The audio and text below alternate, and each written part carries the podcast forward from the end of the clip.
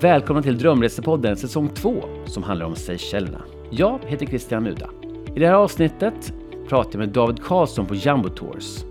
En researrangör som skapar skräddarsydda resor till bland annat Seychellerna.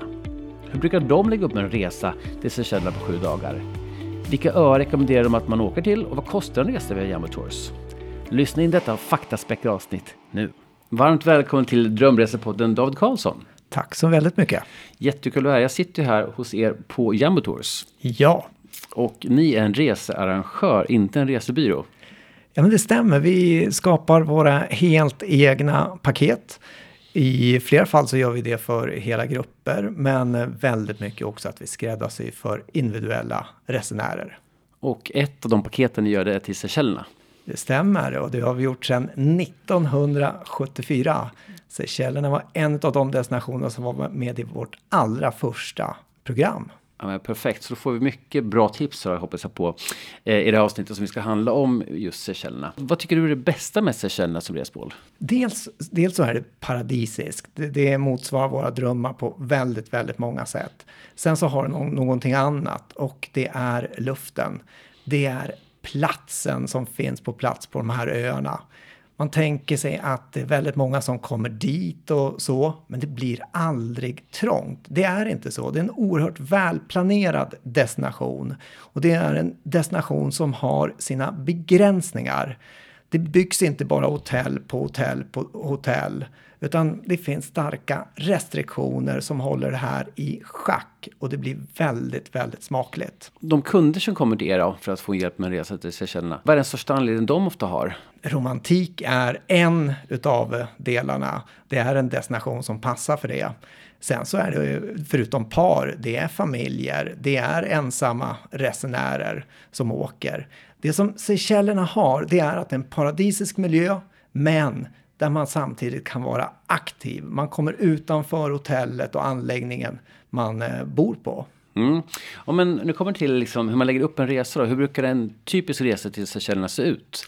Det är lite speciellt för att det är väldigt, väldigt vanligt. Jag skulle vilja säga 7-8 utav 10 som reser med oss till Seychellerna har flera öar inblandade i sin resa. Det är alltså kombinationsresor där man kombinerar huvudön Mahe till exempel då med eh, övriga öar, grannöar. Man bor tre dagar på huvudön, tre dagar på en annan, fyra dagar på den man avslutar på, till exempel. Och de här grannöarna, vilka är de mest populära hos er gäster? Eh, Pralän är väldigt populärt. La är också väldigt populärt.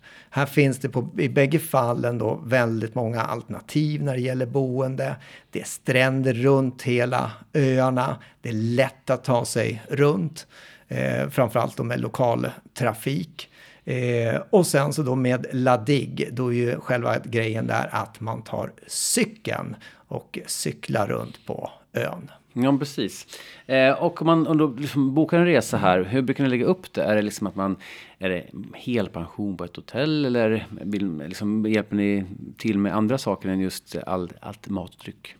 Eh, all inclusive, ifall vi tar det fenomenet som, som exempel, så är det väldigt, väldigt sällan förekommet på Seychellerna. Så att det är ofta, ifall man bor, ju mer öde man bor, ja men då är det bättre att välja helpension när det saknas alternativ runt själva boendet. Är man till exempel på det som heter ön Börd eller ön Denise, där det finns ett hotell på hela ön, eh, och i övrigt nästan nationalpark, eh, då, då, ska man ha helpension. Mm. Eh, och eh, bor man mer centralt med flera hotellalternativ, kanske nära Victoria rent av, huvudstaden på Mahe, ja men då kan det passa att man bor med bara frukost. Och om man tänker på liksom kunder då, vem skulle du rekommendera en resa till Seychellerna för? Eh, Seychellerna är för alla. Ehm, det man inte får på Seychellerna, anledningen till att åka till Seychellerna, det är inte att det är billigt. Seychellerna är dock väldigt, väldigt prisvärt. Det är en stor, stark upplevelse som man får för de pengar man lägger ut. Sen så, eh, vi ska komma ihåg att eh, det är dels för de som vill ha lugn och ro, men också kunna kombinera det med ett väldigt starkt marint liv. Dels då för snorkling eller dykning, eh, men också fiske. Mm. Eh, väl erkänt eh, djuphavsfiske förekommer också till och med eh, flugfiske runt, runt om på öarna, så utmärkt för sportfiske och eh, aktiviteter i övrigt. Kanske framförallt den vandringsbenägne, eh, både på Mahe och inte minst på Pralän. Utmärkta möjligheter för vandring. Mm. Och du sa att det var ett prisvärt resmål. Vad, vad, kostar en resa från ungefär? Om man ska tänka sig att man har tio dagar på Seychellerna med både på dagar på Mahe och på Pralän och Ladig. Mm. Om man går via jag, jag drar av någon dag. Eh, om vi säger sju dagar då, en vecka. Mm. Eller sju nätter, en vecka. Eh, säg strax över 20 000 kronor då. Eh, att det är ungefär ett frånpris per person. Eh, inkluderat med flyg, eh, trestjärnigt boende, transfer, men utan måltider. Mm, mm. Eh, går vi sen och tittar åt andra hållet så finns det i stort sett ingen gräns på vägen uppåt, utan det, det kan vara eh, fem stjärnor, allting inkluderat, eh, upp till 170 000 kronor per person. I det fallet så kanske det inte är att man bor utanför Mahe på någon utav, eh, man bor utan, eller utanför huvudön Mahe på någon av de mindre öarna, väldigt stor eller hög exklusivitet och flyger ut till den ön. Men då ungefär 170 000 kronor per person och vecka. Ja, det låter ju faktiskt helt rimligt om du tar det alltså från, från priset där. Säsong då? När tycker du passar att åka till Seychellerna? Det som är en styrka för Seychellerna det är att i grunden så tycker jag att det är ett året om resmål. Man kan åka dit våran sommar, man kan åka dit våran vinter. Sen finns det givetvis i grunden bättre och sämre perioder. Under sommaren så är det, våran sommar då, så är det, eller sommaren ja, då är det som minst regn på plats. Eh, men det blåser lite mer. Det lugnar ner sig, vindarna lite framåt vintern eller fram, under, under, hösten. Det är väldigt stark period oktober, november. Eh, december, januari, februari, den period med störst nederbörd. Men ofta i form av eh, skurar. Mm. Eh, det blir mycket, mycket sol. Jag har själv varit nere i, i både december och januari månad med utmärkt väder. Någon mm. regnskur. Men hur var det då? Då var det varmt men en regnskur då och då? Ja, mm. jag säger att det är 26, 27, 28 grader året om. Väldigt eh, i grunden stabilt klimat. En annan fördel rent vädermässigt det är också att eh, Seychellerna 115 öar totalt. Är man på de mer centrala delarna och eh, de norra delarna där majoriteten av öarna ligger då är man också utanför cyklonbältet. Så att eh, riktigt otäckt väder det drabbas man inte utav i regel. Mm, mm. Är det någon annan fråga som kunder brukar ha som vi inte pratar om hittills? Ja, men det är en bra fundering. Men jag tror att de flesta frågorna är vilken ö ska jag vara på och eh, jag tror också den en eh, större och större bild man har det är att det är väldigt många på plats för att det är svårt att få plats på en resa till Seychellerna. Mm. Men det är just det anledning till att man håller ner antalet hotell så väldigt hårt som gör att det blir aldrig trångt på destinationen. Mm. Men det är svårt att få plats att få ett hotellrum. Så hur långt i förväg ska man boka en resa för att vara säker på att få bo där man vill? Jag, jag säger minst sex månader, men det är väldigt ofta att man kanske bokar rent av ett år i förväg.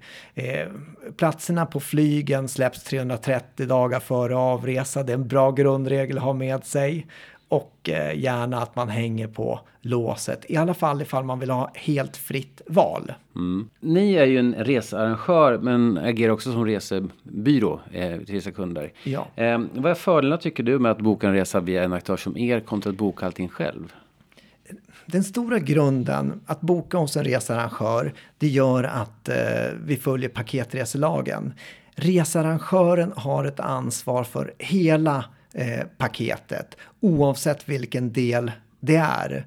Eh, det, det, här grundgarantin som det innebär att boka sin resa via en researrangör, den finns inte i övrigt. Så det är en oerhört stor fördel.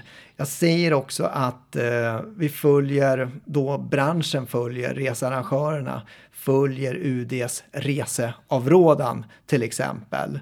Eh, det kanske inte ett enskilt flygbolag gör, det gör inte en enskild hotellanläggning. Eh, men det är någonting som, man, som en eh, paketresearrangör måste göra. Så mer trygghet. Absolut. Ja. ja. men toppen. Superkul att få höra dina tips om Seychellerna. Och eh, när blir nästa resa dit för dig då? Det får vi se. Men eh, hoppas i, det kanske inte sker i år, men kanske nästa år. Och eh, Seychellerna är en viktig destination för oss och eh, för våra kunder. Också utmärkt, ska vi komma ihåg, att kombinera med östra Afrika. Just och kombinationsresor är någonting som växer ganska mycket. Och där ja, det tänkte det. ju jag faktiskt det skulle bli en egen säsong om. Så jag kanske får anledning att återkomma till dig då. Spännande. Gör ja, mycket gärna det. Stort tack. Stort tack. Detta var allt för dagens avsnitt av Drömresepodden. Som ni kanske sett så släpper jag alla avsnitt för en viss destination på en gång.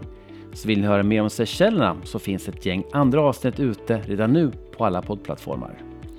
Vill ni ha notis när jag släpper en ny säsong ett tips är att följa eller prenumerera på Drömresepodden där du lyssnar på poddar. Dessutom finns hela säsong 1 av Drömresepodden och Maldiverna ute sedan tidigare. Med andra ord, massor med inspiration för er som ska planera drömresan. Och vill du läsa eller kolla på bilder istället för att lyssna så finns det reportage om både Maldiverna och Seychellerna på Mat och resebloggen som jag också driver. En av Sveriges mest lästa resebloggar med fokus på lite mer exklusiva resmål, restauranger och aktiviteter på resan som skidåkning, dykning och vandring. Lycka till med planeringen av just din drömresa!